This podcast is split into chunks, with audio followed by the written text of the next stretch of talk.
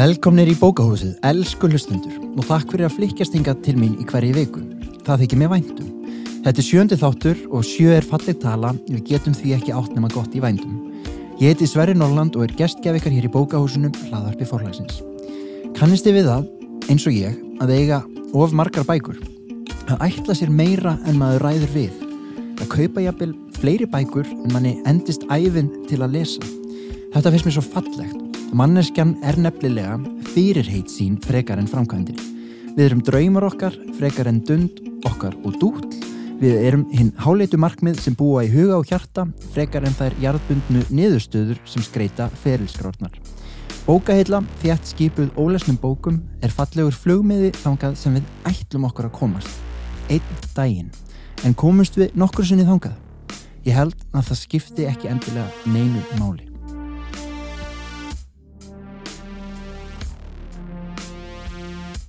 Það er ekki á allra vitorði að hér í bókahúsinu rennur á. Strömþung og kraftmikil á, lagsveiði á og það er einhver, einhverjum tvær konur sem ég rekst stundum hér á úti við bakkan. Það eru með veiðstangir, það eru líka vopnaðar tölvum, það er senda skeiti, það er ringja. Eftir hverju eru það að fiska? Það heita Valgerður Benediktsdóttir og Kolbrún Þóra Eiríksdóttir og það er vinna á réttindastofu forlagsins. Velkomnar. Takk að þið fyrir. Takk, herrlega. Hvað er það sem þið gerir hérna úti við á svona dagstæðlega? Í, í, í, í einni setningu? Í einni setningu. Nei, það nei. er svolítið flókið að, að svara því í einni setningu að því að við töluðum stundum um að við værum tálkvendi að tæla erlenda útgefundur til að gefa út bækur íslenskra höfunda en við, tölum líka um okkur sem sko, trúbóða og við bóðum trú á íslenskar bókmyndir Já, það er svolítið erlendis. en við lítum líka á okkur sko, sem lagsveiðmenn mm -hmm. jáfnvel þó að ég persónulega veiði aldrei lags Nei, nei. Þú veiðir annars konar lags. Ég veið annars konar lags vegna þess að það að selja höfundarétt til útlanda er svo litið eins og að standa við árbakkan með stöngina og kasta úti og þú þarft að vera svo þólinmóður Já. og mátt aldrei stoppa í raun og veru og þú þarft að kasta úti mörg hundru sinnum áður en býtur á. Prófa ég að byrja ólíka beitu. Þú þarft að prófa ólíka beitu, ólíka hilji Já. og þú þarft að, að, umfram alltaf að, að fara upp og niður eftir ánni og svo í raun og veru þegar býtur á og maður byrjar að landa þá getur hann dottið af Já, já, önglunum þetta er maður aldrei örugur. maður er aldrei örugur en þess vegna verður maður í raun og veru í þessu starfi sem veiðimaður eða trúbóði að vera þólinmóður vera rosalega þólinmóður og muna að maður má aldrei, aldrei gefast upp. Nei, mér finnst þetta mjög falleg líking. Og, en, en það er náttúrulega það sem við erum að hugsa um hérna er kannski að íslenska bækur eru ekki bara skrifaðar fyrir íslenska lesendur sérstaklega ekki í dag, það er fólk um allar heim Já, sem les íslenska bækur og það hefur kannski aukist aldrei mikið á síðustu árum og áratugum er það ekki rétt hjá mér? Jú, og það var þeirlega algjör bara sprengja kannski fyrst sem byrjaði með hérna, þáttöku Íslands eða þegar Ísland var heiðisgestur á bókamessinu í Frankfurt. Já, hvaða ár var það fyrir þá sem minna það ekki? Það var fyrir akkur á tíu árum síðan, Ekki. 2011. 2011. Þannig að hérna, þá svona kom svolítið fókus á okkur og, og landið og höfundan okkar og þá hérna, e, já, síðan þá hefur bara verið Aukast og aukast. rífandi gangur. Þannig að svona bókamessur eru með mikilvægt til að dreifa út það eru það, en réttindastofan fagnar 20 ára ammali sínu núna Já. Já, þannig með að við þakkaði fyrir, við erum búin að vera að sem sagt í 20 ár og og vorum að telja, við erum búin að gera um það byrjum svona 3000 samninga Já, vá. Þannig að, að það er nóg að gera við árbakkan Já, en ef þið farið aðeins svona meira í svona sauman á því hva, hvað það er nákvæmlega, það er náttúrulega líka þá að vera í samskiptum kannski við þýðendur, aðra rétthafa, umbórsmenn, aðra útgefendur, það lítur að vera rosalega svona viðamikið samskipta net. Þetta er eins og eiga 3000 pennavinni. Já, og maður þarf að skrifa þeim alveg Já. og gera það með gleði. þannig að þið eru náttúrulega kannski skrifið miklu meira en flestir höfundarna sem eru að skrifa fyrir forlæði. Hvað ætlaði þið skrifið marga bækur á ári í tölvupústum? Ekki gott að segja. Það er áhvert að taka það saman. Já. Já. En, og þannig að það myndast kannski líka stundum bara svona innileg sambönd við, við. Já, við erum búin að eignast marga vini í áranar ás, bæði meðal höfunda og, og, og þýðenda og, og erlendra útgefenda. En að því við minnumst að þýðendur þeir, þeir eru náttúrulega ásand höfundunum okkar það dýrmætasta sem að, við eigum, við gerum allt fyrir þýðendur. Og hver þýðandi fyrir íslenskuna, Já, ég get þýtt úr íslensku, er algjör, já, sannarlega bara dýrmættur. fjársjóður. Og Já. þess vegna verður maður að rækta þýðendur óbúslega vel og, og Já. Finnst ykkur nóg gert til þess að halda utanum starf og svona heim þýðenda, erlendra þýðenda?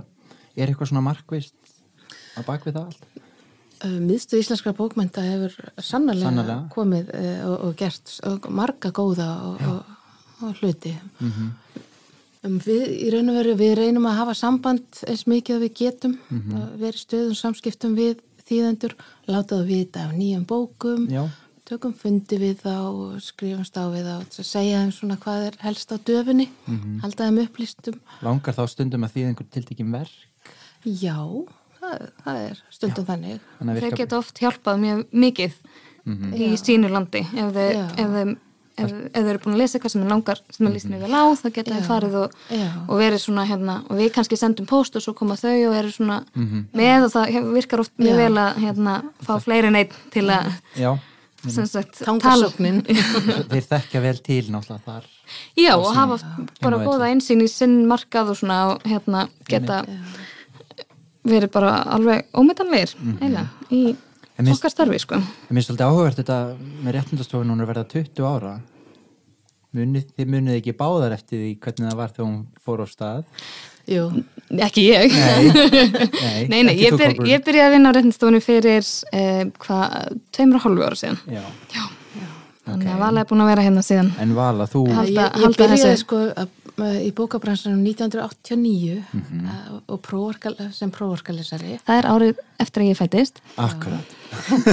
árið 1991 þá var þetta í fastráðin þá var ég eh, fenginn til að koma inn á vöku Helgafell þar sem ég var að, að vinna sem prófarkalesari og leysa af konu sem fór í fæðingarólof sem að sá um tvo eðal höfunda húsins þá voru þeir Haldur Lagsnes og Andris Önd og það var mjög gaman Já. Ótrúlega samsett. Það er, það, Það svolítið- það er erfitt að meta hvort sko hefur haft meiri áhrif á íslenska menningu en, maður fyrir að spáði það sko. Þetta var svolítið sérstætt móment þegar að uh, leikskóla kennari sonar mis ringdi í mig og sagði já, sonurðin var í þroskaprófi. Já. og við spurðum hvað gera pappiðinn og mamma í vinnunni? Og strákurum mig svaraði pappi, hann vinnur í rúsinulandinu en mamma, hún tala bara við Andres Önd Já. þá var maður minn að vinna í Kaliforníu sem þar sem sannarlega eru margar rúsinur og ég náttúrulega var með Andres Önd í fanginu alla daga. Það er Einmitt, einmitt, hann stór hluti af æsku minni sannlega, en þú Og minni líka. Já, Um, ég, já, ég hérna er bóndafræðingur já, og uh, lærði síðan hægnýta rittstjórn hérna upp í háskóla. flutti svo til Englands og hérna fór í mastersnám í uh, stafrætni útgáfi Mhm. og var svo að vinna í London hjá Penguin í nokkur ár en ég kom flutti heim núna fyrir þreymur árum. Og finnst þér að liggja vel fyrir þér einmitt er svona mynd, að, hvað segir maður, að, vinna að netagerð, tengslamyndun Já, þetta er ótrúlega skemmtilegt og það Já. er einhvern veginn uh, mjög gaman eftir að hafa búið erlendis að geta unni við eitthvað sem heldur svolítið þeirri tengingu áfram einmitt, og venjulega, í vanalega árferði þá förum við á bókamessur og Einmitt. hittum mikið af fólki og og einhvern veginn hérna já, það er svo gaman að, að ná að halda því við. Einmitt, Og- maður saknar þess. Já. Var verið bara að aflýsa bókamessun í hörpu hér hjá okkur. Einmitt, margt búið að breytast á undanförnum tveimur árum en hérna, Já, En við það við reynir meira á, á puttana hjá okkur á tölvupostaskriðu já, það eru svona öðru sem fundir sem er þessi stað þessi dagina og er góð stemning svona í þessum bókmyndaheimi, öllum þessum samskiptum og Núna? já, Já, já, menn verða alltaf að vera bjart sínir að úrtölufólk uh, nær ekki Mhm. Í gegn, nei. nei. Þannig að, hversu erfitt sem árferðið er þá verður Mhm. maður alltaf að trúa á að maður getur selt sína vöru en hefur ekki lestur bara aukist á síðustu misserum Jú, það segja það ymsar kannanir allavega lestur meðal kvenna, ég hef ekki heyrt að Já, lesa að Karla hafi aukist nei, konur eru indislegar og ég bara byrst afsökunar á kembaræru en það eru nú margir sem lesa enga síður Sannarlega, sannarlega. En við höfum alveg glimt að nefna uh, þriðja starfsmann réttandastofunar. Það er að Nói. Hann Já, er. Tí ára og hann er kött. Einmitt, og hann er svona alltaf upp á móralinn á Já, skrifstöðunni hann liggur á, á, á sér opnu teppi hjá okkur en á réttandastofu yfirleitt alla daga. og er mjög mikilvægur í okkar samskiptum við erlenda útgefundur oft Já. því að fólk bara hérna hann er alltaf á jólakortin okkar og Hann er eitt mest ábyrrandi starfsmæður forlagsins svona út af við fáum bara mjög mikið af jákvæðum viðbröðum við honum Já. Og til dæmis, til dæmis þegar við höfum verið að taka alla þessa fjárfundi núna því að við fórum ekki í eigin personu og bókamessuna í Frankfurt. Nei, að því hún var haldin í mýflugumynd þá, þá kom Nói inn í mynd á hverjum einasta fundi. Hann stóð upp, geispaði rak hausinn í hljóðnuma og, og, og svona trublaði fundi sem að var mjög í raun og veru skemmtilegt. Já, það, að það vantar oft svona Við léttur höfum fengið- hliðina í við höfum fengið mörg uh, tölvuskeiti svona eftir fundi sem það já ég gleymi nú ekki okkar fundi Þetta er í rauninni, þetta er í rauninni úthugsað hjá ykkur það er, er ákveðin list að vera sko eftirminnilegur án þess að vera of, of mikið að rembast. Já. Og Nói einhvern veginn alveg tekur hans lag fyrir okkur sko. Já, nei, nei, það er frábært, ég, ég er mikið aðdáðandi hans. En eigið einhverja svona sko, skemmtilegar þegar við erum að tala um aðferði líka eða einhverja skemmtilegar sögur eða svona trikk til þess að sá fræjum í höfuð kannski erlendra útgefandi eða eitthvað, hvernig komiði bókunum til þeirra og svona samferða og um að Við, við reynum að, að, að vera sínileg, við reynum líka að, að ávinna okkur tröst, Já. þannig að fólk trúi því sem við erum að tala um. Þannig að, að, að, að þá líkur til grundvallar að við þekkjum vel lista viðkomandi forlags. Já, já, já. Að við séum ekki að bjóða smásögur sem, sem gefur ekki. bara út já. Þannig að maður þarf að, að, já, að passa vel upp á þetta, að þekka vel lista Mhm. viðkomandi. Akkurat. E, og svo náttúrulega þegar við hittumst að bóka messum, þá, þá bara röppum við líka um daginn og veginn og reynum að búa til samband. Og þetta snýst svo mikið um atmosfýrið líka. Afsækið slettuna. Mjóni fyrst líka bókaheimurinn eigi svolítið að vera auðvitað er þetta, þetta viðskipti en hann eigi að vera einhver svona vettvangur einhvers konar hlý og tengsla og svona stærra einhvers Já, já. við erum að miðla hugmyndum og sögum Já, einmitt Sem- og þess vegna eh, skipta öll svona samskipti svo miklu máli. Ég er Mm. í einum tennisklubbi til dæmis, er, við tölum aldrei um tennis, en þetta heitir tennisklubburinn af því Ok. Mm. að það er svona um byrju bannað að tala um vinnuna og við erum nokkrir sagt uh, bæði agentar og, og útgefundur uh, Mm. Frá Þýskalandi, Breitlandi, Svíþjóð í þessu klubbi og, hittust alltaf uh, annarkvæmt föstudag á, á Skype Já, og ok. tölum saman.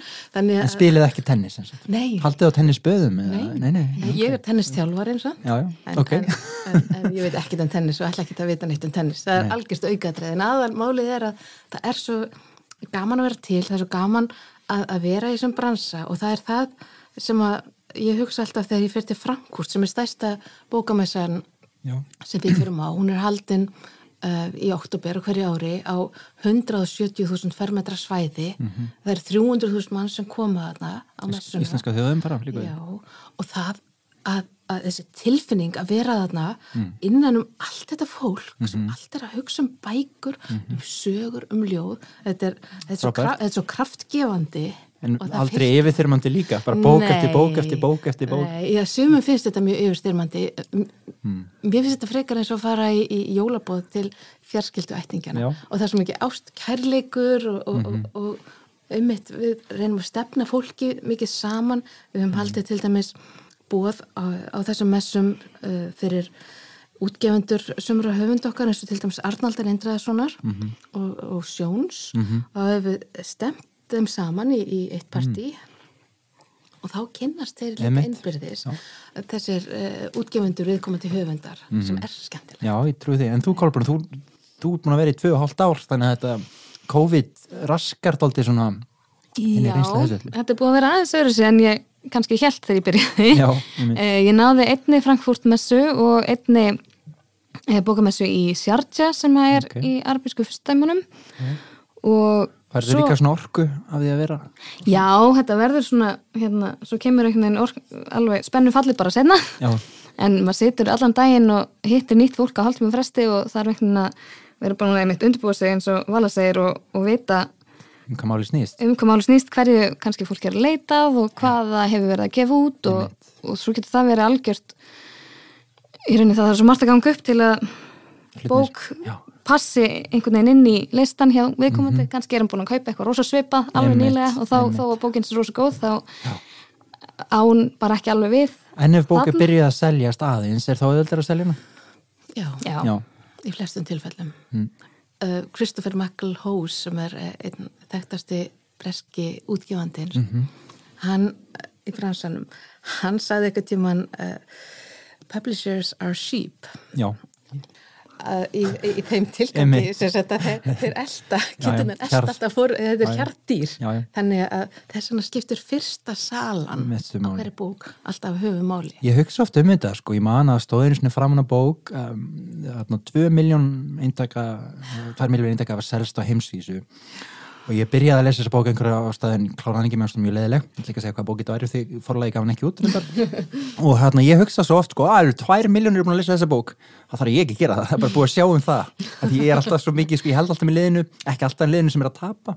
En það er fyndin þessi hugsun í okkur.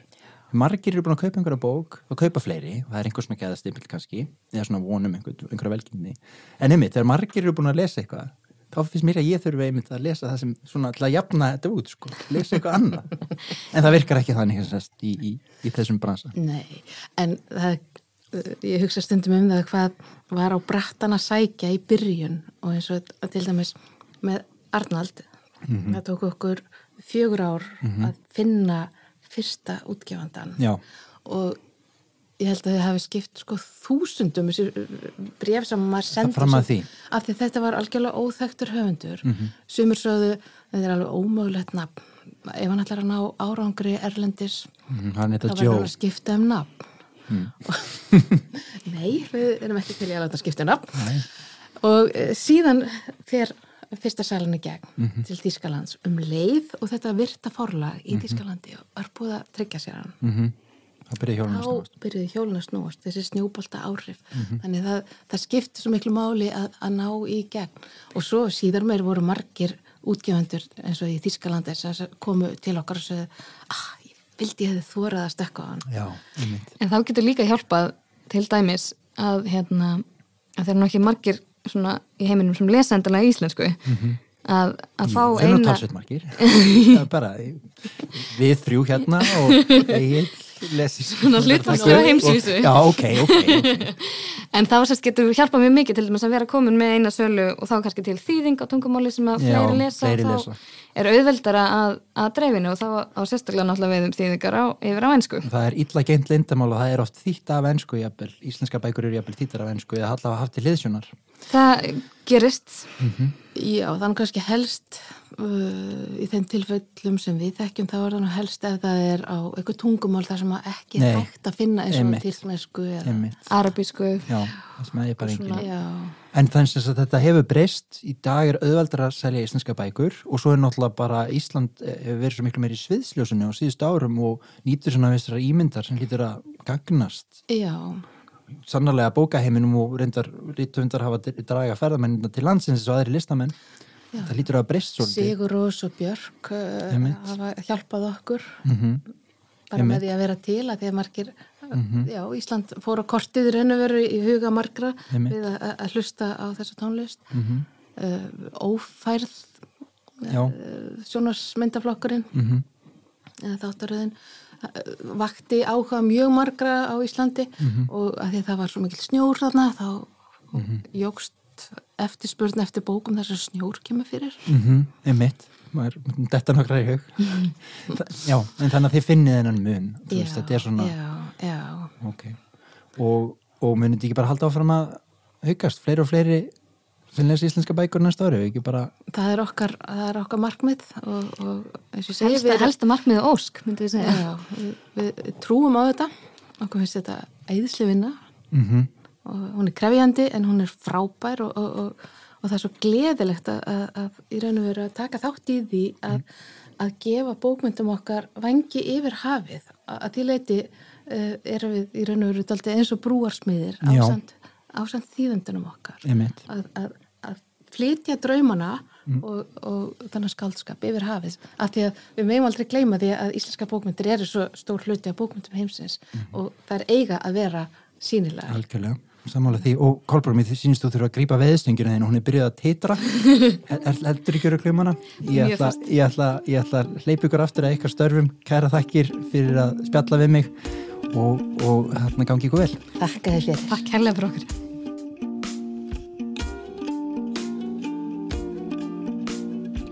Ég skauðst á það nút að hlaupa, mér er svo gott að hlaupa og mér finnst gott að ganga, hjóla, vera á hreyfingu og helst út í róki, jafnvel rigningu og ég hlusta aldrei á neitt meðan ég hleyp, ég bara leifi hugsununum að flæða. Svo kem ég hinga aftur inn í bókahúsið, gerir tegjaöfingar, fer í styrtu og hvern rekst ég á hér við bústbarinn annan en Þorgrím Þráinsson sem var að gefa út ekki aðeins eina bók heldur tvær. Sæll Þorgrímur. Blessaður, takk fyrir að bjóða mér. Kemur oft hingað í bókahúsið í, í, í ræktar, ræktarsalinn og heilsuhorni? Nei, ég verð bara við að kynna það, þetta er svo fjarrið mínum.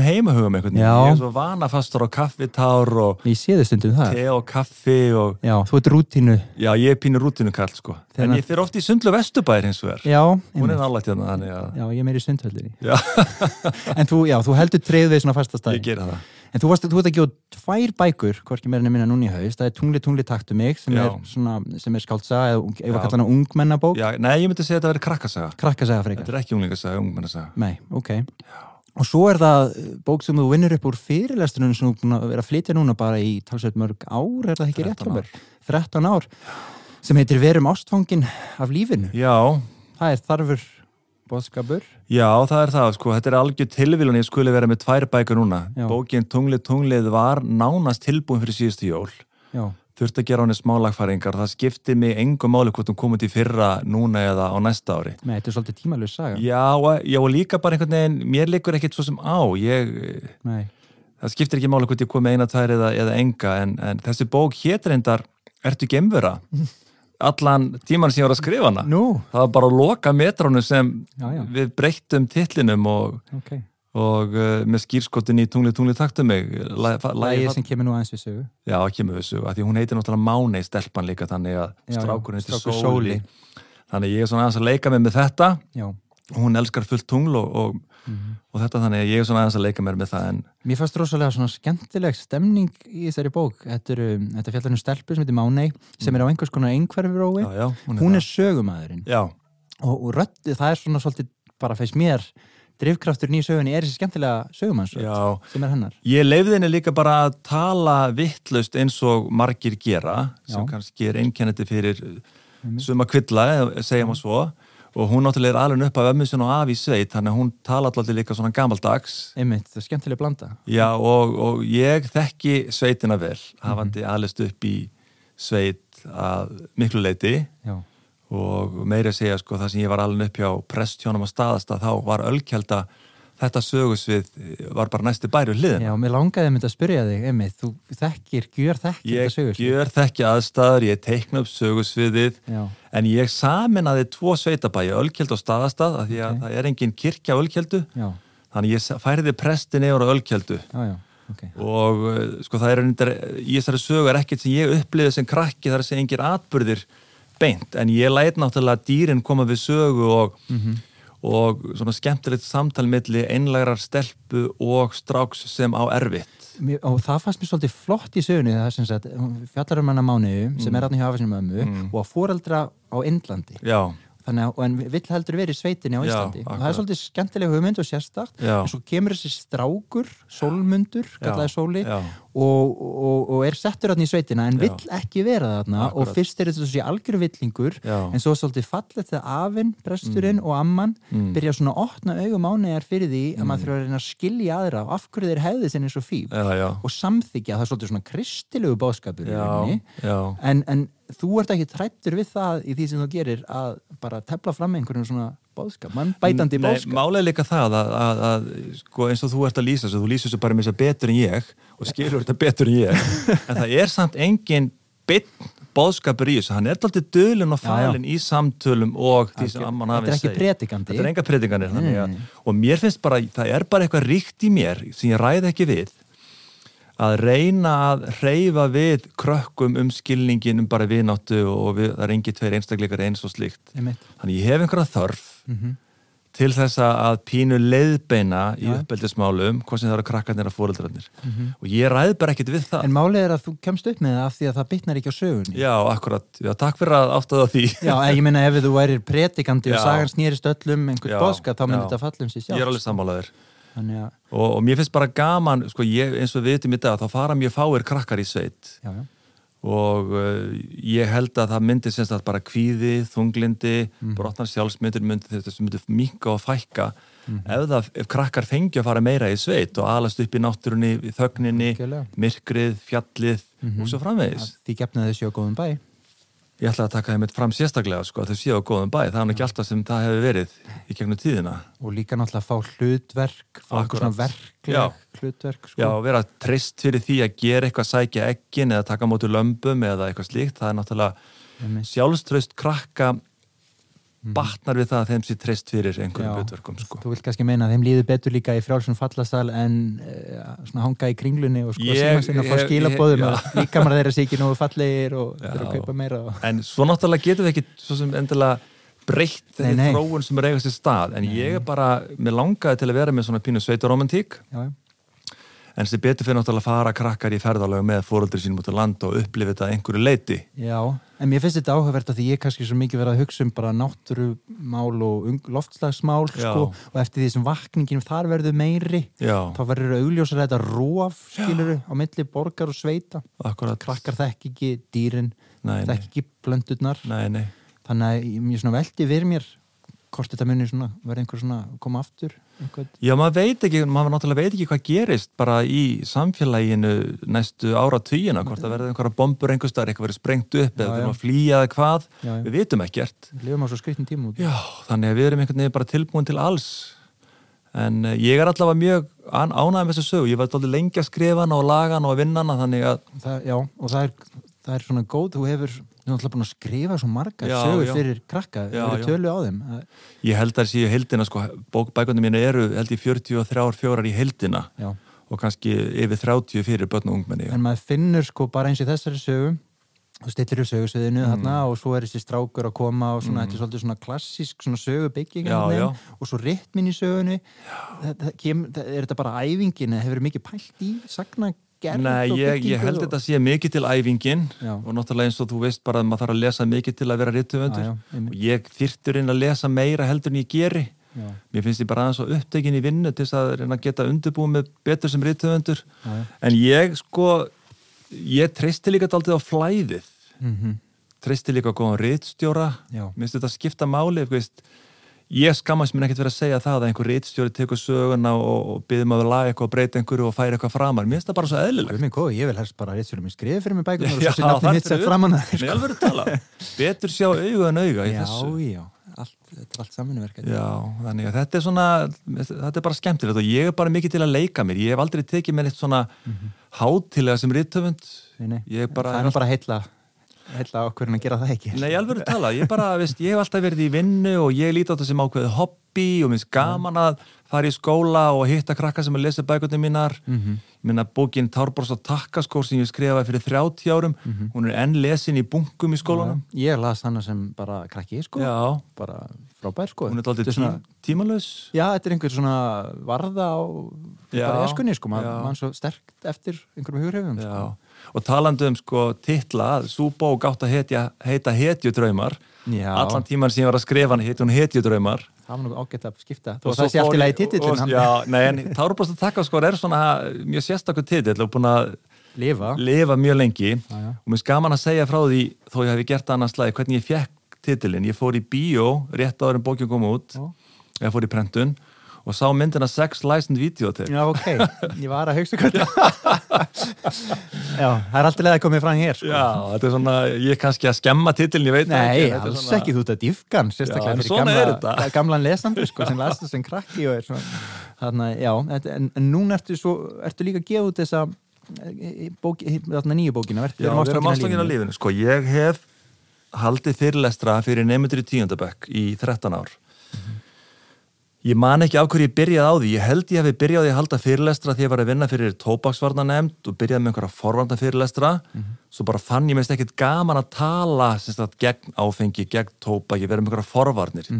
Mér finnst ég að bestu forvarnindar að vera það er að maður tala bara um fallega og skemmtilega hluti Akkurat.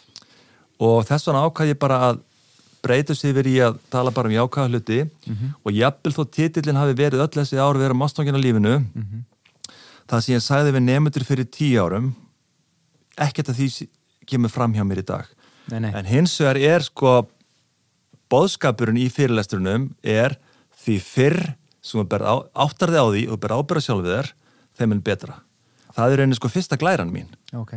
Þannig að vegna þess að ég mann því ég var krakki í Ólasvík og þá held ég alltaf að bara kennari myndi bjarga mér með góðum engunum og mamma og pappi myndi hissi upp um mig og fótballtaþjálfur myndi gera mig og fótballt frábærum já. En svo bara allt í hennu bara í MR Já, já. hljópi á já. Hei shit, bara árangurum veldur á mér. Ákveður var mér ekki, var mér ekki sagt það. Já, já. Er, Þannig að ég, þetta er bara pínuðu lífið ellandi þannig. já, ég man sko, mér gekk allt svo vel í skóla svo fór ég MR og það var eitthvað fyrsta skyndiprófið í starffræði og ég fekk bara algjört kvíða sko. Nei, allt af því að það var alltaf eins og mikil harka það var ekkert eitthvað, Sverri minn, þú ert frábær og ég skal Nei. bara aðeins að hafa bara ef þú kannt þetta ekki þá er þetta bara fallin Þetta var bara, hjá mér var þetta þannig bara, Þorgrymur, Guðinni rektor vil tala við þig, gjör þessu vel, drífuðu þig. Og bara, hafa bara hjartaðal í hér, sko. Já, já, þetta var eitthvað svona hefur, líka, já, já. En, Já, þannig að en þetta er góðu bóðskapur Já, maður heyrir þetta ekki ennig loft þegar maður er krakki eða Nei, ég veit það. Og, og það sem er svo, það sem ég sko náttúrulega ég spila hans inn á tilfinningar þessa aldursóps, 15-16 ára krakka. Og byrja því að sína myndband á því frá UNICEF hvað við erum heppin að búa í Íslandi. Ég síni bara krakka sem bara er í Já. Pakistan og lifa bara á bryggjun og sofi í stöðagöngum og ég síni bara nokkar staðrendi frá Sýrlandi og, og, og svo framvegis. Þannig að krakkandi bara sunkast nýri, sætið og hugsa með sér, vá, hvað er heppin að búa í Íslandi. hvað ég á ekki að vorkina mér Já, emitt. Svo kemur bara fyrirlestur um markmeðsetningu, heilastarfsemina, svefn, borða holt, koma fallega fram, hugsa um yngri nefendur og allt í þessari bók eins og kannski tekið eftir er bara stutt og frábærlega myndskreitt. mjög fallega Ég bara, veistu sko. það, ég, ég ætla að segja þér eins og er, ef ég væri ungt foreldri í dag, ég væri bara foreldri í dag, þá myndi ég lesa svona bók, bara til að geta tæklað uppeldismál, upp, uppeldismálin það er betur. ekkert auðvelt að vera fóröldur í dag. Það er bara, veistu, líka vegna þess að ungir foraldir eru svo upptegnir í vinnu þegar að kaupa sér húsnæði, lífskaplöp já, já. og svo bara haldið það að hugsa um krakkana líka. Já, ég, mér alltaf, já, já, þetta er svona Lesa fyrir og minnst bara, ég verða að fá að nefna að Halla Sigga sem hannaði bókina, minnst hún bara, hún er mjög Ofboðslega- skemmtilega og það er líka þetta fína bil á milli þess að þetta sé svona að því stundum sko, grafískir hönnu geta gengið of langt í því en þetta er aldrei þannig að bitna á textan maður er að Nei. lesa bók en þetta lífgar upp hana. Ég er bara mjög sammála því. En, en ég, ég hugsaði mynd um það í bókinu þú tala líka um að bera í rauninni lífskeið okkar sama við lífskeiði fólk sem hefur það vissulega mjög er skýtt sko. Og ég var svona pínu hikandi varandi þann álgum fyrst þangað til þú segir af því að þú hefur það svo gott þá getur þú gert ímislegt líka til þess að hjálpa öðrum. Já, þannig að þú stillur þessu þannig upp að þau einhvern veginn að það verður hálfa asnalegt einmitt að það er svo mikið sjálfsvorkun oft líka í ungu fólki. Mm, og hún er náttúrulega oft fáránleg. Já. og þetta setur þetta svona starra samingi En málið er líka það, þess að ég segi við þessa krakka og ég bara hefði viljað heyra sjálfur. Við erum einhvern veginn, sko, við höldum innst inni, jafnvel, við fáum bara einhvern árangur svona. já, já, bara ég ætla að fá bara góð engun í jólagjöf og vera frábæri fótbalt í ammælusku, ég ætla að fá sjálfströsti bara núna. Það snýst um litlu hlutina dagstaglega Akkurat. og ég er að brýna það fyrir krökkum að bara þegar þau vakna á mótnana búin rúmið, borða morgumat mætur réttin tími í skólan spyrja kannski einhvern annan nefandi hafið það, lesa heima eh, þakka kennarum fyrir kjænslustundina fara út að hlaupa, Akkurat. þá bara finna þau hvernig sjálfströstið ekst í róliheitum algjörlega. Svo allt innu bara komin hann stað í lífinu þeim finnst þau geta gert allt. Já. og mér finnst bara krakkandi tengja við þetta. Ég, já, og, og þetta er bara að vera við stjórnmölin Já, algjörlega, og það sem er líka gaman að nefna við þau vegna þess að ég er að tala við tíundabekk sem er náttúrulega fullotna fólki í skólanum já, já, og ég er svona að skora á krakkana krakkar í næstu fríminútum, prófið að fara út leggið síman frá ykkur og veltið fyrir ykkur. Hvernig skildi yngri nefndum líða í skólanum? Kannski er einhver 12 ára gömur stelpa sem er nýkomin í skólan hún kannski fellur ekki í hópin hún er eina á skólalóðinni sko marga daga. Veist, kont þú, takt þú utan á hana hjálpa hann aðalagast og hvað gerist? Þú far sjálfströstið, þú líka einmitt. Þú einmitt. Ég- og krakkarnir er að tengja við Já, þetta. Ég trúi því og þetta er bara, veist, ég bara ég á dálítið erfitt með að upp, sem, sem segja ykkur frá því hvaða uppljómin ég fæ af því að standa fyrir framann hópa krökkum í 80 mínútur og tala um þessa hluti. Mhm, En þannig að þau eru rosalega móttækileg. Já, Þetta er ekkert, þetta er auðveldur aldur alltaf að tala við. Nei, en ég spila dálítið inn á sko myndband, frásögn, Já, já, saga einmitt. glæra, Já, myndband. Þannig að þau fá svona þetta sko nútíman myndbandinn inn á milli. Ég, svo var ég líka bara því við erum að hugsa með hennan hóp ég bú- búin að fara í mjög margar skóla á síðustu vikum að sem ég var með svona sagnasmiður. Mm. það var reynda fyrir aðeins yngri krakka en þetta voru eldri krakka til á svæðinu. og ég var bara að hugsa um sko það er nóg erfitt að vera unglingur Mm. en þegar maður sér í fríminútin þá svona sunkast oft margir niður í sin eigin heim í símanu sínum. Já, já. og þetta er svona vissuleiti eins og svona hálfgert svartól af því að þú veist að eins og svona hvað hva, hva kallar maður svona gjallarhorn fyrir margt sem hefur svo vond áhrif á mann andlega. Akkurat. Þannig ég öfundaði í raunin ekki nei, að því að þeirra komast í gegnum hennar heim Ég í er alveg sammála því en, en hins vegar að ég har í nokkuð margir skólar eins og allir skólar á Östurlandi þeir hafa tekið ákvörðan að hafa bara símanlega skóla. Já, þeir gera það, en það er sannlega ekki þannig allstar en svo er náttúrulega líka, maður ekki gleyma því að símarnir eru náttúrulega líka jákvæðir mjög margt sko. frábært tæki En- en við erum á þessum, þessum stað þar sem við erum að reyna áttaði á því, okkur á því hvernig við notum Já, og svo má ekki gleyma því að við foreldrar og maður átt að segja þau bara sjálfur en við foreldrar erum ekki barnana best. Við erum alltaf Nei, í nei, símanum okkar og ætlum að fara að banna börnunum okkar það. Mhm. það bara virkar ekki sko. Nei, nei, en það segja það við alla sem koma hingað inn í bókahúsið að við erum fyrirmyndir og við eigum að sjást með bækur við eigum að lesa bækur, það er náttúrulega bara bæði gott Já, fyrir okkur já, já. en ef við erum vonda fyrirmyndir í, í krakkana sko. Nei, nei, þannig að ég er bara rosa gláður með þessa fyrirlestra og, og það sem ég finnst líka gaman að segja frá og kannski fæstir vita um er að skólarnir bara fá fyrirlestrum frítt bara vegna þess að sum fyrirtæki líta á þessi samfélagsverkefni. Já, já, þannig að hafa nokkur fyrirtæki gegnum tíðina stuttibaki á mér. Já, það virkar þannig. Já, Það er frábært. Og veitt mér bara styrk Mhm. til þess að geta farið í skóla og flutt Ok. hennar fyrirlestur. Já. og að því að öll fyrirtæki eru vilja taka þátt í að einhverju samfélags aðstóð og kalla samfélagslega ábyrð samfélagslega- algjörlega. að Já, svo er þetta kynnt á stjórnarfundum og ég kem og held fyrirlesturinn fyrir þá Mhm. þannig að þeir áttu að sjá því hvað hérna er unni Já. ég stend fyrir En, en finnst þér sko, ég var að hugsa um því að var að eh, bara núna eins og skoða bækurna einar og, og, og búa mundir hérna að hitta því hér í bókahúsinu Mm. ég á tvö lítil börn og er oft mjög mikið á hlaupum með mjög mörgum verkefnum og stundum næ ég ekki að borða og ég er á hlaupum og, og, og Ég hérna já, þannig að finnst þér og, og þú nefndir sjálfur áðan svona í framhjálaupi að þér uh, þætti þú kannski ekki alltaf að hafa nógan tíma til að lesa sjálfur og myndi Mm. vilja lesa sjálfur mm. það er rosalega erfitt að ná að halda utan um eigin tilveru oft á svona uppbyggilega Já. hátt í dag það er bara Já, meira að segja en að gera það en það er náttúrulega bara kannski eigur þá bara þörfina uh, á því að við séum mynd á hversu mikilvægt það er að reyna það? Já, og líka kannski bara vegna þess að, að veist, nútíma fóraldrar í dag þeir eru sko miklu meiri í ræktin í dag heldur fyrir 20 árum. Já, já, það allt, að hjóla, það eru að skýði, það eru ferðir það eru já, það tekur allt tíma. það tekur allt tíma og auðvitað þurfum við að vera í góðu andlugu ástandi fóraldrar til þess að geta sint börnunum okkar já, en ég tel að okkur við, við fóraldrar getum gert betur og það sem ég er kannski pínu svektur út í líka eru stjórnvöld ég ætla bara að fá að vera pínu leðilegur já, bara vegna þess að sko eins og við vitum þá er læsi að mínum mati mikilvægasta líðhessumálið. Mm Mhm. Ef krakkar ná ekki tökum á tungumálunu Mhm. og orðaforða og skilningi þá náðu síður tökum á sjálfum sér. og tilfinningum sínum og öllu þessu Öllu. Já, og mér finnst bara pínu sorglegt að til dæmis tökum sem dæmi bara nú er endalust alla daga verið að hamra á COVID, COVID, COVID í fréttum.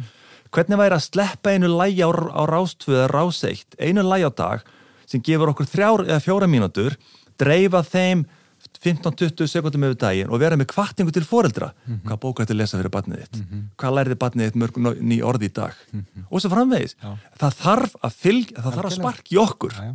Og mér finnst ábyrð stjórnvalda og ríkis útvarsins vera og nætti að vera miklu meiri hvað þetta varðar. Já, en mér, mér finnst þetta bara svo frábær uh, útgangspunktur líka. Ég, ég þekki þetta sjálfur ef ég er að fjallum bækur eða verkanara mér finnst mjög leðilegt að vera neikvæður og það gefur mér ekkert og það, það er mér ónáttúrulegt. Ég, ma, maður vill vera það sem er að hampa og Akkurat, berjast fyrir einhverju eins og þú varst að lýsa á hann við fyrirlesturinn Já, sko, og ég er reyndar orðin saman þessi sko, þessi sko, spilur á okkur einhverju svona síbelju Mm. svona neikvæði fréttinnar endalaust sko, Já. auðvitað þarf það en til þess að virka byggja einhvern kraft já, já. þá þarf kvartningu Já, og líka eitthvað mótveði við því Já, já. ég meina, ég, ef ég var að kera bílið minn heim klukkan kannski 5 og þetta fara að sinna börnunni sem eru 8 til 10 ára og fengi bara, heyrðu, hvaða bók þetta að lesa í kvöld Mhm. og hvað, hvað eru mörg ný orð á ískapnu sem þú fannst upp og börnin Mhm. hafi ekki skil og þú ætlar að þýða fyrir þeim orðaforðin, hann bara eigur sjálfströst krakka í dag.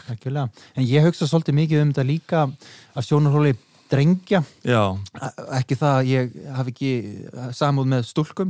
Ég hef endalust mikla samúð með Já, þeim. já. ég hef bara svo mikla áhyggjur á mörgum strákum sem verið að sná síður tökum á tungumálinu og tjáningu. Og, og það, þú veist, þú náður tökum á viss, vissri á ensku sko, Mm. þú þarft ekki að líst því sem kemur að innan Já, já. til þess að verða einhver ná tökum á þessu.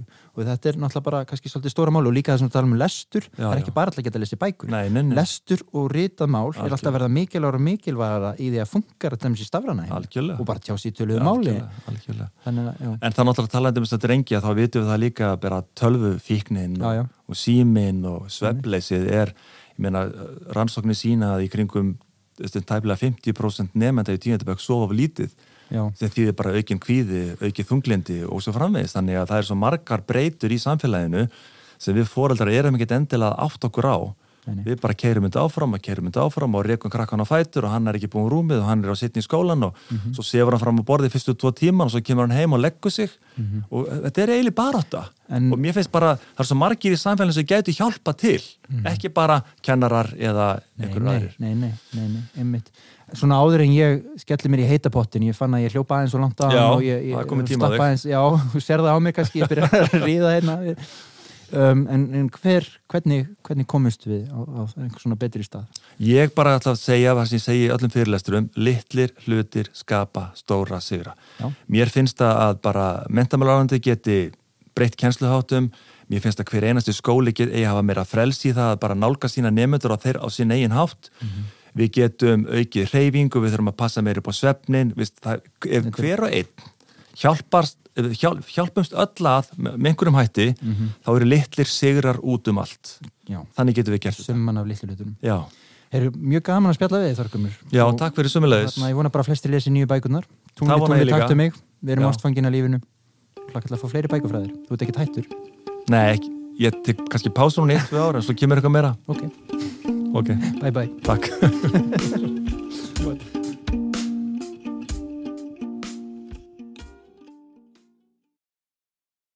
Komið allir krakkar, komið allir krakkar, komið orkupakkar, eitthvað út að ferðast, allar að þakka verðast, eitthvað út í bláin eins og stóra táin vísar okkur vegin, vinstur og hægra megin. Báðar byrja þram, beint þær snúa fram eins og eftir pöntun, ekki nokkur vöntun virðist vera á þeim, vilja út í heim og alveg út í geim. En eitt þær mættu muna sem marga kann að gruna. Líkil að lukkaðri gemferð líkur í heimferð. Því allt snýst að endingu aðeins um lendingu. Það er í mörg horn að líta í samtímanum. Amstrið er mikið, aldrei döður punktur. Og þó svo að það að heita að ég fáist við bókmentir, þá er ég líka úttaugaður heimilisfadir og nýti hverja stund.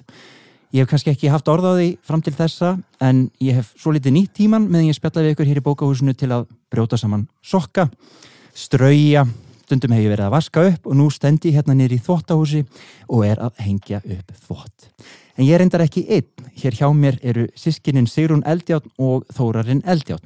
Þau eru líka að hengja upp þvótt. Þurfið þið alltaf að hafa eitthvað fyrir stafni? Já, og gott að vera með þvóttaklemmur alltaf við hundin. Já. Já, er gott að grípa í þvottin þegar annað svo á sig standa. róandi. Fáið þið hugmyndir kannski stundum þegar þið eruð að brjóta saman nærbjúsunar og bólina? Já, já, já, já, já, fullt af hugmyndum. Og þið eru nú líka afkasta mikil, það er ekki held ég hægt að segja annað. Og þessu ári kemur út, eða kom út, ein bók eftir ykkur saman, Rím og Roms, það sem að Þóra Nyrkir og þú minnskriði sér hún. Svo varst þú ekki út bókina Rauð viðvörun, barnabók, og þú varst ekki út smásatnarsafnið Umfjöllun, Þóra Ræn. Er ég nokkuð að gleyma einhverjum fleiri bókur sem það hafið komið út á þessu ári. Á þessu ári? Já, Nei, ekki fyrir mína part allavega, en Sigrún hefur ábyggilega laumað út einhverjum fleirum á þess að Held ekki, Nei, held ekki. Nei. En þetta er nú alveg þokkalegt. já, ég var að, ég var að velta þið fyrir mér ef við byrjum kannski aðeins á þér Sigrún, ég hef verið svo mikið að lesa bækurna þínar upp á síðkastið fyrir stelpuna mína. Mm. nú er ég að mynda að hengja upp á henni eins og þú sérð. Já, sokka og, Já. og, og, bóli og komin gata og ymslegt og svona. En þegar hún er ekki út að leika sér þá er hún mikill bókaormur. Gott. og við höfum lesið bækaturum hann Sigurfljóð Sem er- ofur stúlkuna. já, ofurstúlka mikil. Og, og náttúrulega Kuk, gamle bækurnar. Og svo las ég þessa núna upp í sumabústæðum helgina Rauði viðvörun. Mm uh, hvernig er það þú ert að semja sögurna þínar? Teiknaru og skrifa jafnóðum? Teiknaru fyrst? Stundum þá byrja ég á að, ef ég er að byrja á einhverjum nýjum persónum, þá byrja ég á að teikna eitthvað og Já. sjá hvað kemur út og þegar ég kom með einhverjar fígúru sem er líst vel á, þá Já. bara að þú er svona hvað það er ætla að gera.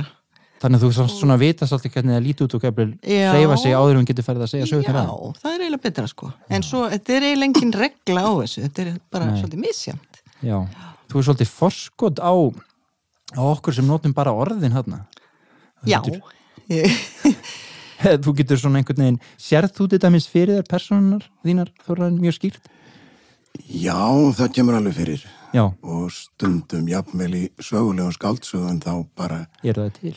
já, það er hafa oft verið til en, en kannski engin veit hvernig viðkomandi menn litu út þá bara teki ég einhvern úr nútímanum og ákveð að þessi karakter í þessari sögu sem fjallar um gamlan tíma lítur nákvæmlega út eins og þessi tiltekni maður. Já, það er svolítið skemmtilegt. En ég segi aldrei hverjir Nei, nei, nei, en það, þannig að fyrir ykkur það er mikilvægt að vita hvernig personuna líti út. Ég, ég er svolítið verið að hugsa um þetta sjálfur að því ég sé orðsvolítið fyrir mér í litum og nöfn persóna eru rosalega mikilvæg ef ég breyti nafninu og breytist liturinn en ég veit kannski ekki endilega 100% hvernig personunar líta út en auðvitað fyrir teiknar og lítur það að skipta miklu máli.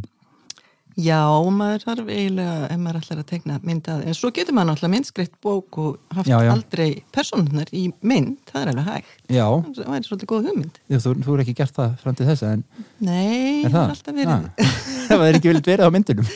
Jú, svona yfirleitt, en, en svo þegar þú ert að skrifa hérna, og teikna sögurnar, hvernig virkar það? Spinnur þær fara að byrja persónunar að hegða sér einhvern veginn á teikningunum eða ertu búin að skrifa alla söguna þegar þú myndskreitir hana? Sko, mjög oft er ég, sko, eins og ég sagði að hann byrja á að búa til persónunar og svo fer ég að, að hérna aðtöku hvað það er alltaf að gera Já, og þá svona meir og minna skrifa ég allt. En er samt alltaf með í kollinum myndirnar. Já, Ég sé þar fyrir mér og, og, og risa stundu niður og eitthvað. Ok. Til að gleyma þið ekki. Mér er svona einkenna og svo sem hjá okkur báðum, mér finnst það svolítið einkenna bækurnaðinu sem skrifar sérstaklega já, já, fyrir krakka sko, að það er svona einhver svona leikleði og svolítið eins og allt geti gerst og byrtast ofta einhverja svona förðulega fígurur og svona. Og, og það er svona einkenni á, á dálítið góðum bókum fyrir mig að mig langar ofta að byrja að skrifa eða jafnvel teikna þegar ég lesi eitthvað sem svona gistar frá sér þessari orku. Já.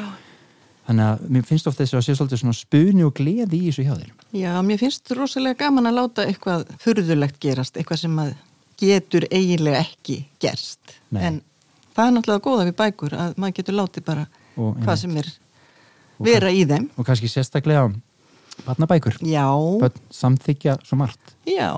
hvað segir þú um það Þórarin, eru börn samþykja þau meira en eldri lesendur Já, að sömuleiti um, þá, þá held ég það nú sko en svo náttúrulega á hinbógin þá eru börn líka dálítið íhalsum. Til dæmis verður maður nú var við það þegar maður er að lesa erlendar bækur og þýðir þar jafnóðum fyrir börn og barnabörn að svo þegar maður á að lesa næst og hefur breytt Já, þá ég kannast þetta það. er er ekki vel séð það er ströng, sko. Ég er mjög ströng, harðir húsbúndar Já, Þeir muna og- allt sko. muna þetta, það er alveg rétt. Já, Já ég, ég, hef reyndar, ég hef reyndar komist upp með það að ég oft eh, ég er að þýða á staðnum bæ, bækur svo byrja hann reyndar bara að bóstælega þýða þér og gefa þér út til að losna við að þurfa alltaf að vera þýðar á staðnum. En ég oft eh, les ekki einu sinni textan ég bylla bara eitthvað út frá myndunum þá man ég náttúrulega ekkert hvað gerðist þýðast sko. Og er það samþygt á þínu heimili? Já, Já, en, er en, en börnum mín hafa náttúrulega aldrei kynst neinu öðru.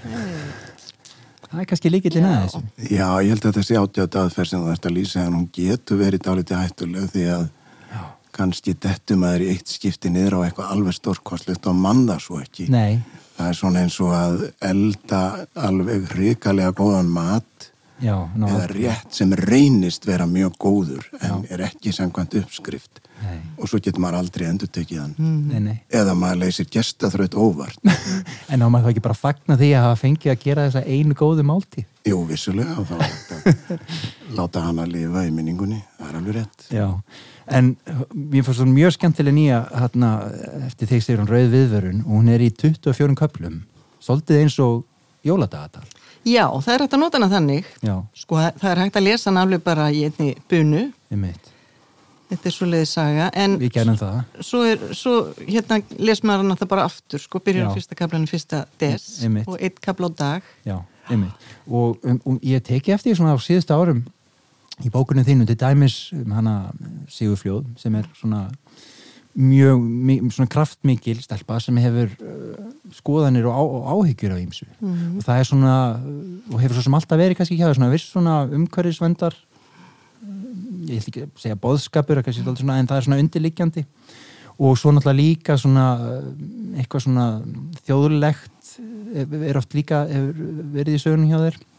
Þetta með sem hann kukk er, hefur markvist byrjað meira að, að tala um þetta í setni tíð svona eins og þetta með umhverfið það er mjög sláandi dæmis í einni bókinu um Sigurfljóð það sem þú sýnir uh, sviðna jörð mm. maður svo ekki nákvæmlega hvernig myndirnar eru en það er ekkit allir sem gera það Nei. í barnabókum Já, það var, er eiginlega, sko, yfirleitt hef ég svona freka verið að forðast að hafa einhvern mikil bóðskap í, Já, já. í bókunum mínum en eh, í sögunum vil frekar að það sé bara gaman og fjör og, hérna Mhm. þess áttar en í sigurfljóðabókunum þá er svolítið meiri svona bóðskapur Já. heldur en yfirleitt. Já.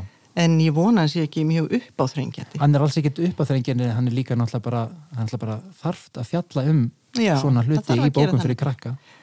En það er þetta með þessa sterku stelpu sem er ofurhetja í raunni mm. og svo ertu með umhverfisjónarmiðin Já, þannig að það er líka kannski að vera með svona sterkan kvennkarakter, það er mjög mikilvægt. Hún verður líka, hún verður alltaf svo reið sko. Já, já, rosalega gefur henni, Já, rosalega reið og það gefur henni kraft til þess að gera eitthvað í þessu. Komast strákar meira upp með að verða reyðir en stelpur? Ég bara veit það ekki. Nei, ég mér, þetta er mjög, mjög, heldur ekki, þetta verður mjög hugleikið upp á síkastið því að lilla stelpa mín, hún er alltaf að segja að strákarnir séu svo æstur á leikskólanum Mm. og svo er hún alltaf farin að segja að ég vil vera strákur. Strákar með að gera það sem þið sýnist eins og stelpur sem er að Þetta er skamma náttúrulega ekki gott. Nei, en þannig að ég er svo fegin að fá bækur um eins og Sigurfljóð. Ég var að lesa aðra sem ég var að þýða jafnóðum. Og þar eru það pappin og, og, og, og sínir hans sem lendi að eventúrinu og svo kemur mamman og eldra fyrir það öðru hverju og eldra í lokin. Það er reynda frábær höfundur sko. En þannig að, þannig að en þetta, er, þetta, er, þetta er ekkert eitthvað markvist styrkja stúlkurnar eitthvað frekar. En þarna ég var síðan, og svo er það ný, það er svo marga bækur hérna að velja úr sko svo er það nýjast, fyrsta sagan í bókinni þinni, Þórarinn, í umfjöllun sem heitir Þegar strengurinn brast. Já, og fjallar um leikara eins og kemur fram í fyrstu línu afi var leikari og hafði mikið álæti, dálæti á Tjekov sem er myndi miklu uppáldi á mig líka. Ég var rosalega hrifin af þessari sögu og ég meiri þess að kenni lítins kursi, kursi skapandi skrifum og let nefndun að fara í gegnum hann um daginn og þar var ég að segja þeim frá því hvernig það að segja sögur sér svona viss svona væntinga uppbygging og þú segir hérna í fyrstu línu Afi var leikari og svo fjalla sagan um Afa, leiklistina. Og finnst þessi saga svo vel uppbyggð. Er það hvernig, þetta er minnst að þú ert að skrifa ertu mjög svona markvis í handbræðinu eða, eða er þetta meira bara svona organíst einhvern veginn hjá þér? Já, ég er nú ekki sérlega markvis, það er meira að eitthvað fer af stað og er gjarna í byrjun afskaplega ófullkomið og veit í raun ekkert hvert það ætlar. já, En svo allt í einu kemur maður auðálustnina og endurskrifar þá allt út frá því. ok, En það er minna um að ég kannski seti niður fyrir mér alveg fyrirfram þessi smásaga á að byrja á þessu og svo kemur þarna einhvert ris og svo nýgur það og svo kemur í endan einhver smá svona afhjúpun mikilvæga stór. Já, já. það, það er ekki, ekkert sem gerist fyrirfram. Ok, en hendur þá mikið að texta? Því að textin er alltaf svo vandvirknislega skrifaður. Já, nei, ég, ég henda aldrei neinu sko, það er bara en þú segir að endur skrifir allt sko já, nei, það er þá bara frekar að, að eitthvað sem er ekki nógu gott skánar við yfirferðina.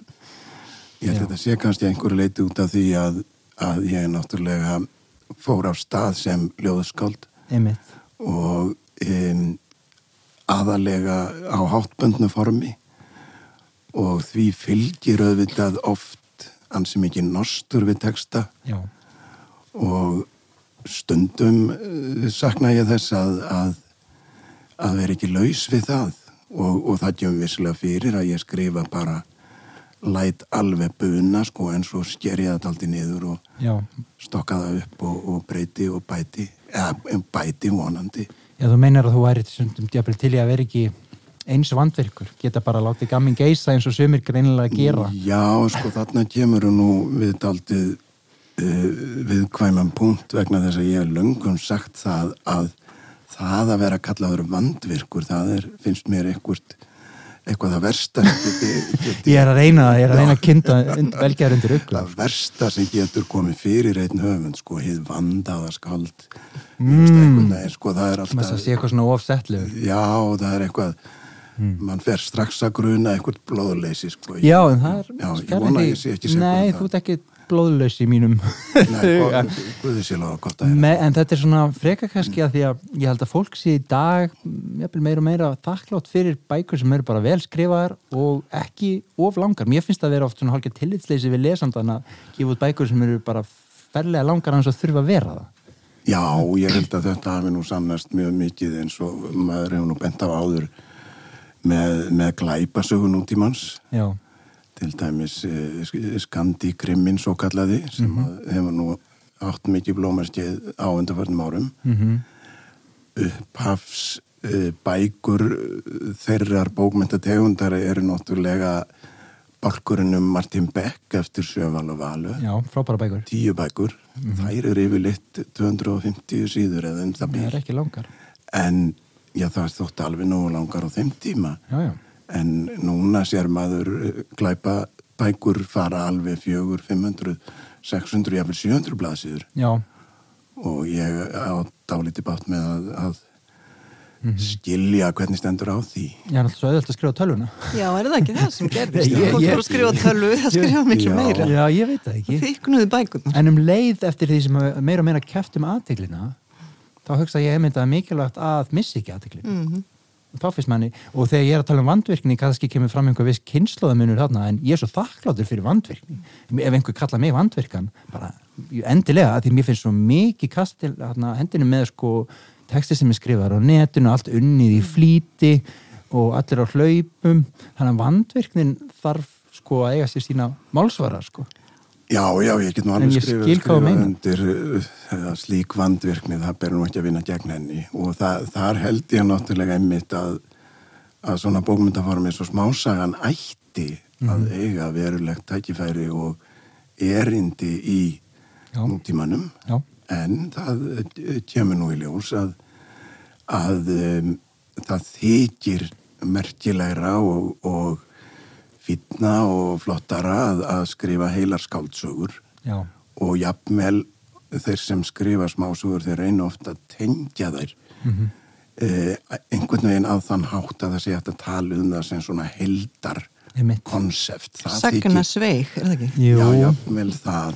Það það er allt í lagi út af fyrir sig ég er ekkert að segja að það sé eitthvað, eitthvað sem, sem beri að, að varast. En um, helst ekki að setja það eitthvað skör hærra heldur en svona smásagnasafn sem er bara eins og þegar málari er búin að mála Einmitt. myndir og, og sér að nú fer að koma tíma á það að panta sal til að hengja upp.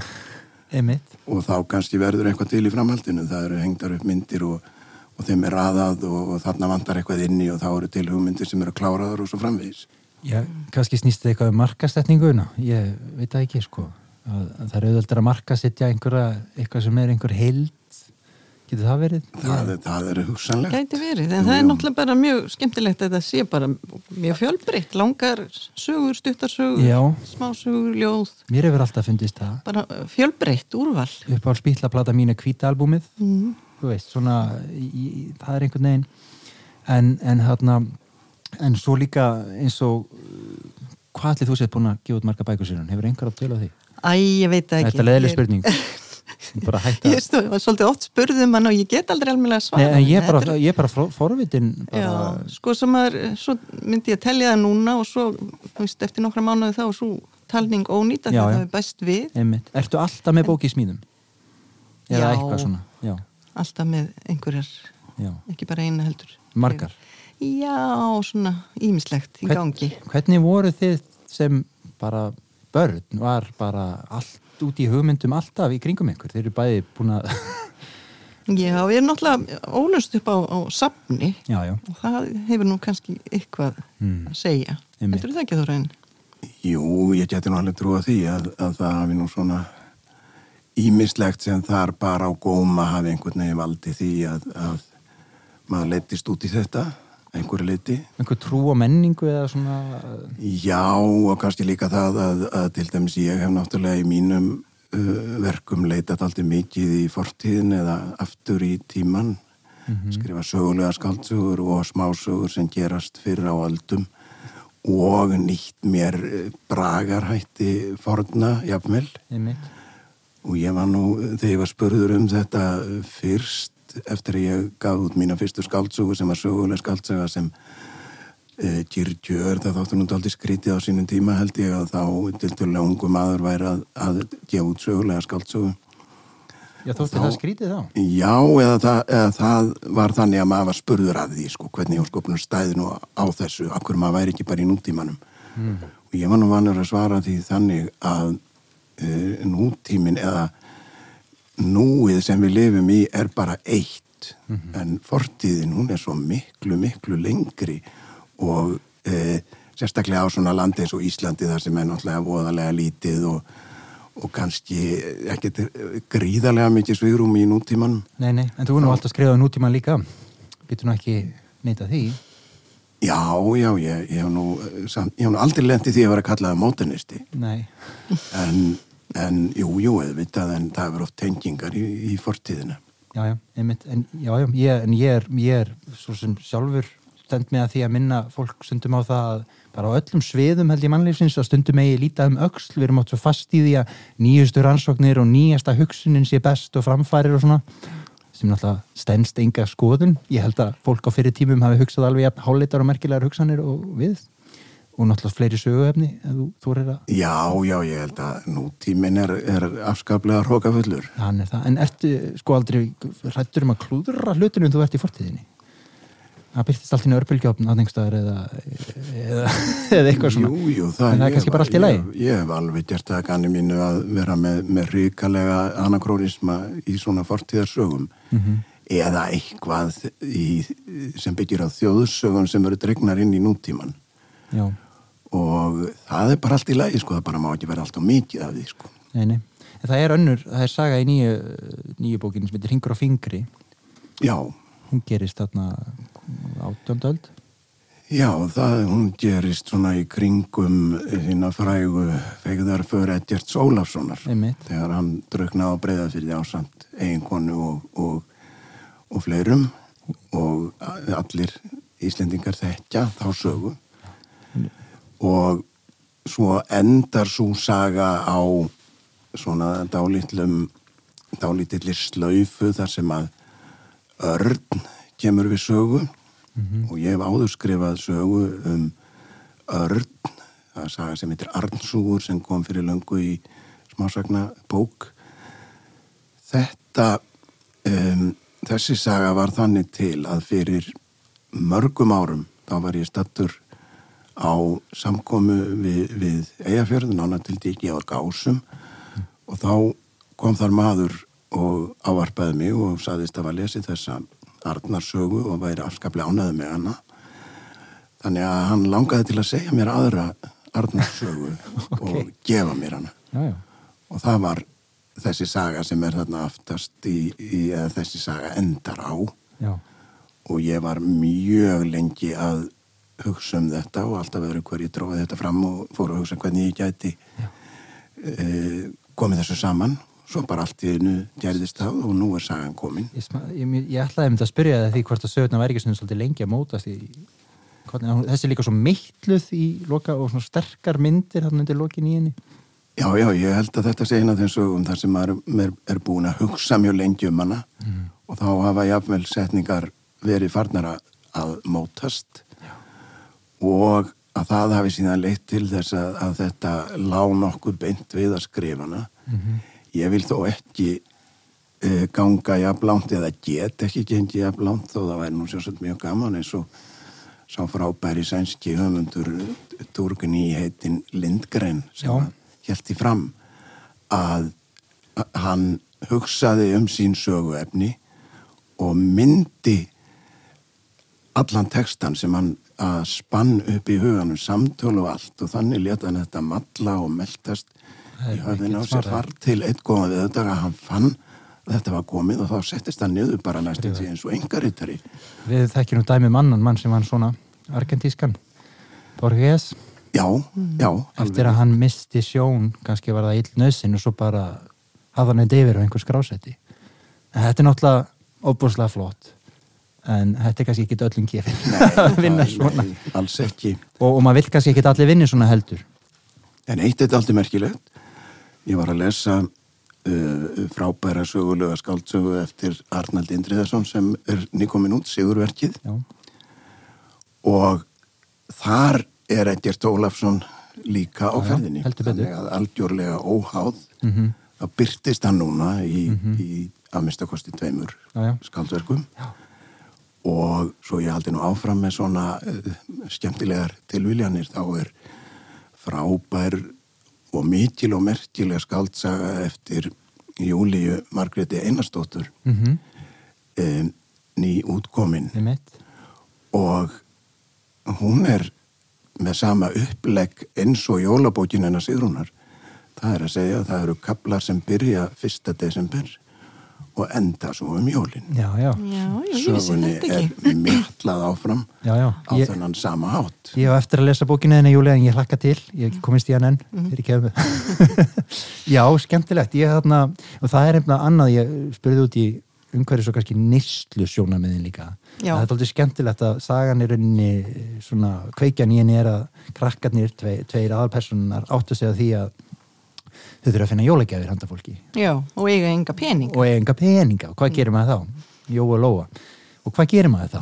Maður fyrir upp á háaloft og aðtöða hvað maður finnur. Já, já. Eða nýri geimslu eða Já, inn í skáp. þannig að það má alveg Já. gefa hluti Já, og það er svo mikið af dóti út um allt. Já, já. Krakkar í dag þau viti ekki eins og hvað þau eiga mikið af dóti, sko. Nei, nei. Alveg eru tínd í Já, já. en svo náttúrulega líka þessi kvartning að búa til sína reyngjafir skapa.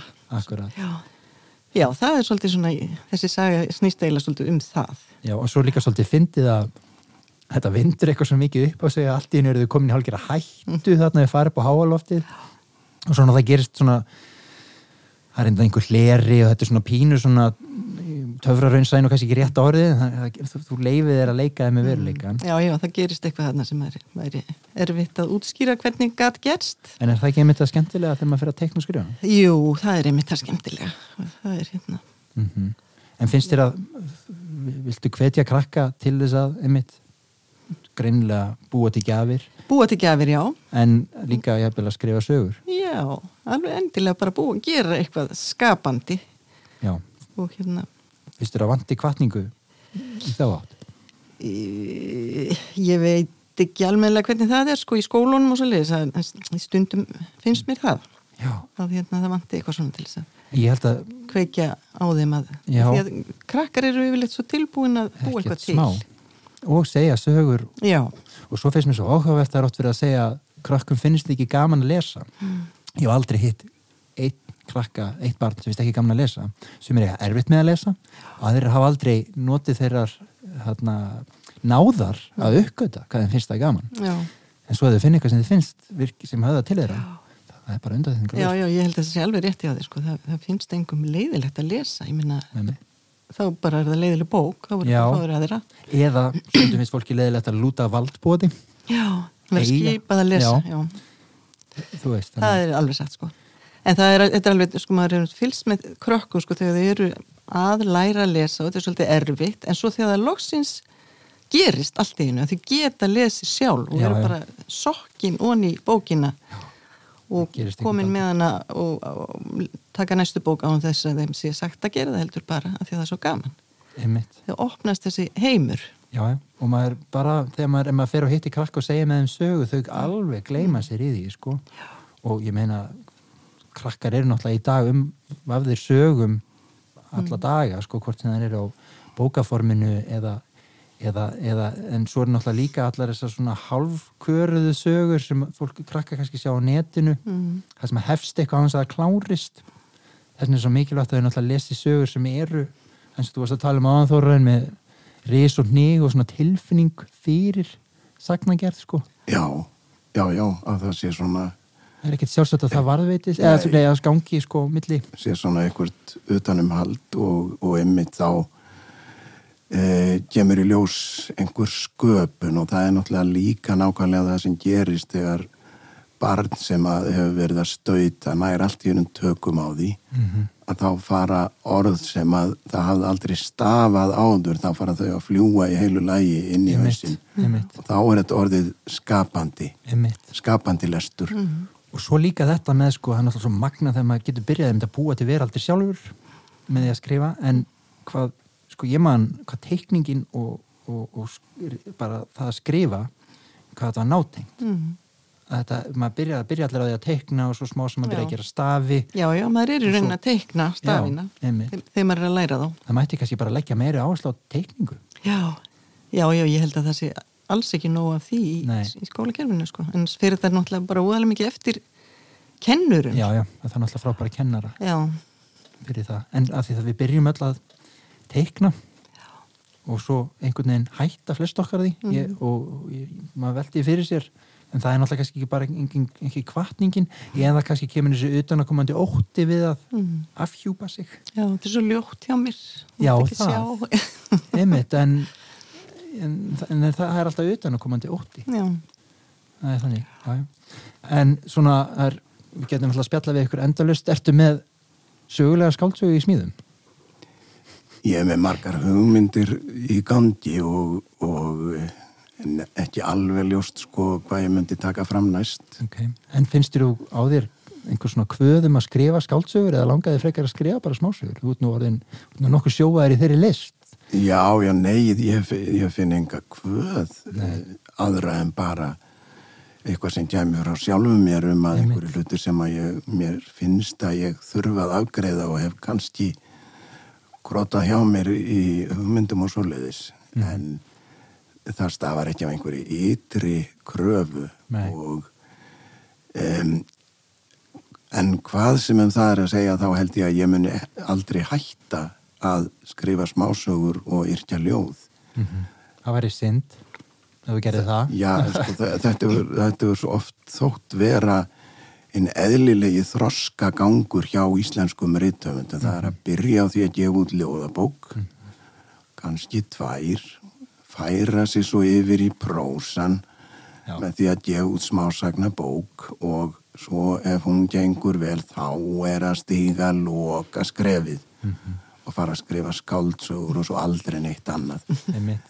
Og auðvitað gerist það líka hjá mörgum mjög góðum höfundum sem fara þessa leið að það sem annars hefðu orði ljóð eða sögur það bara dettur inn í skáldsagnateksta og það er bara fínt og í góðu lagi.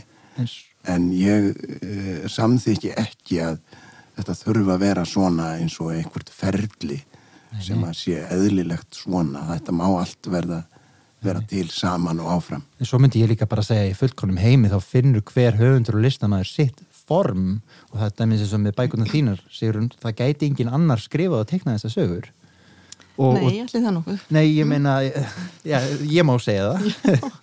Og, og, og þannig náttúrulega ef þú farir að, ef maður fer að reyna að einmitt, fylla upp í einhver form sem er ekki og það er saman náttúrulega með ljóðin þín og, og smásögurnar.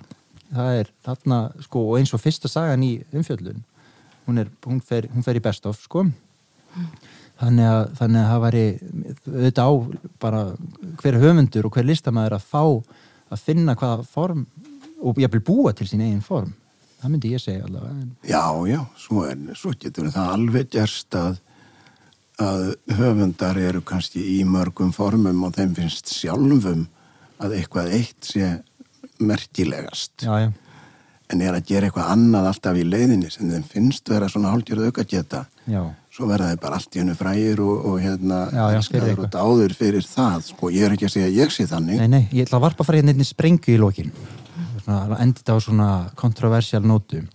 Ég sá nefnilega um daginn og nú eru bækunar ykkar frekar svona stuttar og nýlega bók sem ég gáði stutt og, og ég sá að var, einhvers það var sagt sko að það við svona ótti ótt við að fjalla á einhverjum um stórar bækur sko það væri fjalla á lítil mannlegan hátt eða lítin hátt um stórar bækur. Og það var verið að vísa til stóra bókar sem þykkara bóka. Og ég hugsaði sko að stóra bækur er ekkert endilega þykkar. Og stærstu bækurnar eru jafnvel mjög þunnar. Já. og ég get nefnt, ég geti nefnt ímins dæmið þó sem ég ætla ekki að gera það, svo geta stóra bækur verið mjög stórar sko. Þannig að það er kannski eimir eftir í okkur þessi svona, svona sérstaklega fyrir vissa tegunda höfundir svona skrifa svona langar skáldsögur sko en svo, svo segir mér á móti ég skrifaði langa bók núna því ég hef ekki tíma til að skrifa stuttabók sko.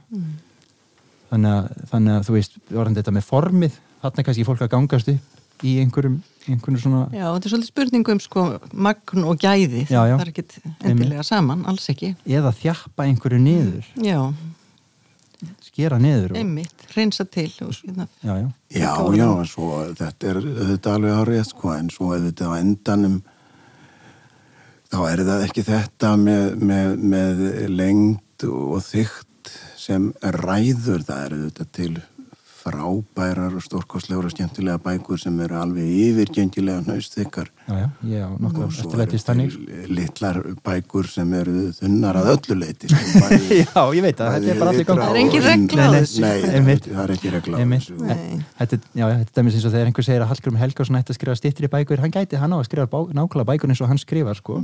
og, og það er bara hver á að finna sér sitt form, að sjálfsögðu. Er það ekki? og, og það, er ekki, það er ekki þetta ytra sem sker úr Nei, og eins er líka með allar þessar kröfur sko eins og til dæmis stundum er verið að, að einhverjir fræðingar leggjast yfir bækur og fara að tellja hvað eru margar kvennpersónur og hvað margar kallpersónur og svo kemur út úr því að ef að það kemur eitthvað illa út sem Já. er þá vantanlega yfirleitt að það er ekki nóga kvennfólki Já. þá er bókin orðin vond og jú, jú, það má alveg líta svo á en það má líka líta á það þannig að það er hægt að skrifa alveg frábæra bók þar sem að er engöngu kallari, engöngu konur og svo aðra alveg ríkalega lélega þar sem að þessa jafnvægi sér gætt kvíðvegs.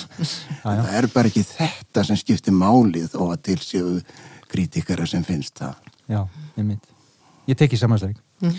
Herðu, mi mikið ánum gaman að þið skildu uh, koma hérna í bókahúsi, við erum búin að vera að hengja upp þvott núna, ég veit ekki hversu margar mínútur Hann fer nú bara þarna. hann fer að þotna, ég hugsa að við bara brjótum þetta saman og, og höldum ég að byrja heim á leið kæra þakki fyrir spjallið, Sigrún Þórarin takk Já, fyrir. takk sem leiðis. Jæja, kæru landsmenn nær og fjær, ég þakka ykkur hjartanlega fyrir komuna hinga til mín í bókahúsið. En nú sýnist mér að við þurfum að fara að haska okkur heim, það er verið að slökva ljósin. Gestir mínir í bókahúsinu, þau sem kveiktu ljósin, voru að þessu sinni tvíegið taumlausa Valgerður Benediktsdóttir og Kolbrún Þóra Eiríksdóttir, sem eru potturinn og pannan í réttindastofu forlagsins. Hinn þróttmikli Þorgrímur Þráinsson sem miðla sinni skemmtilega hvetjandi og jákvæðu lífsbeiki í verum ástfóngin af lífunu og sendir einnig frá sér ungmennabókina Tunglið, tunglið, taktu mig nú í haust. Loks rákuði nefið hinn undur hæfileikaríku sískinni Sigurinn Eldjátt og Þórarinn Eldjátt. En þau sendu frá sér myndskreitta ljóðabók Rím og Roms fyrir á árunni. Sigrun á svo barnabókina Rauð viðvörun í jólabókaflóðinu en Þórarinn smásagnasafnið Umfjöllin. Hina mjúku og grípandi tóna sem leika um sali bókahúsins sömdu hinnir samviskusömu skattgreðendur sem mynda dúóið Urmull og Kraða. Þeir Ragnar Jón Ragnarsson, einnig þekktur sem Humi og Helgi Egilsson. Upptökum stýrði hinn hjartagóði Egil Viðarsson. Upptökur fóru fram í stúdíó Harmi. Sjálfur heiti ég Sverri Norland og er leiðsögumadur ykkar og gestgjafi hér um Rángala og Skúmaskot bókahúsins. Ég hlakka til að vera með ykkur á nýjan leik í næstu viku. Þanga til, farið vel með ykkur, farið vel með fólkið í líf ykkar og lesið bækur. Eða sæl.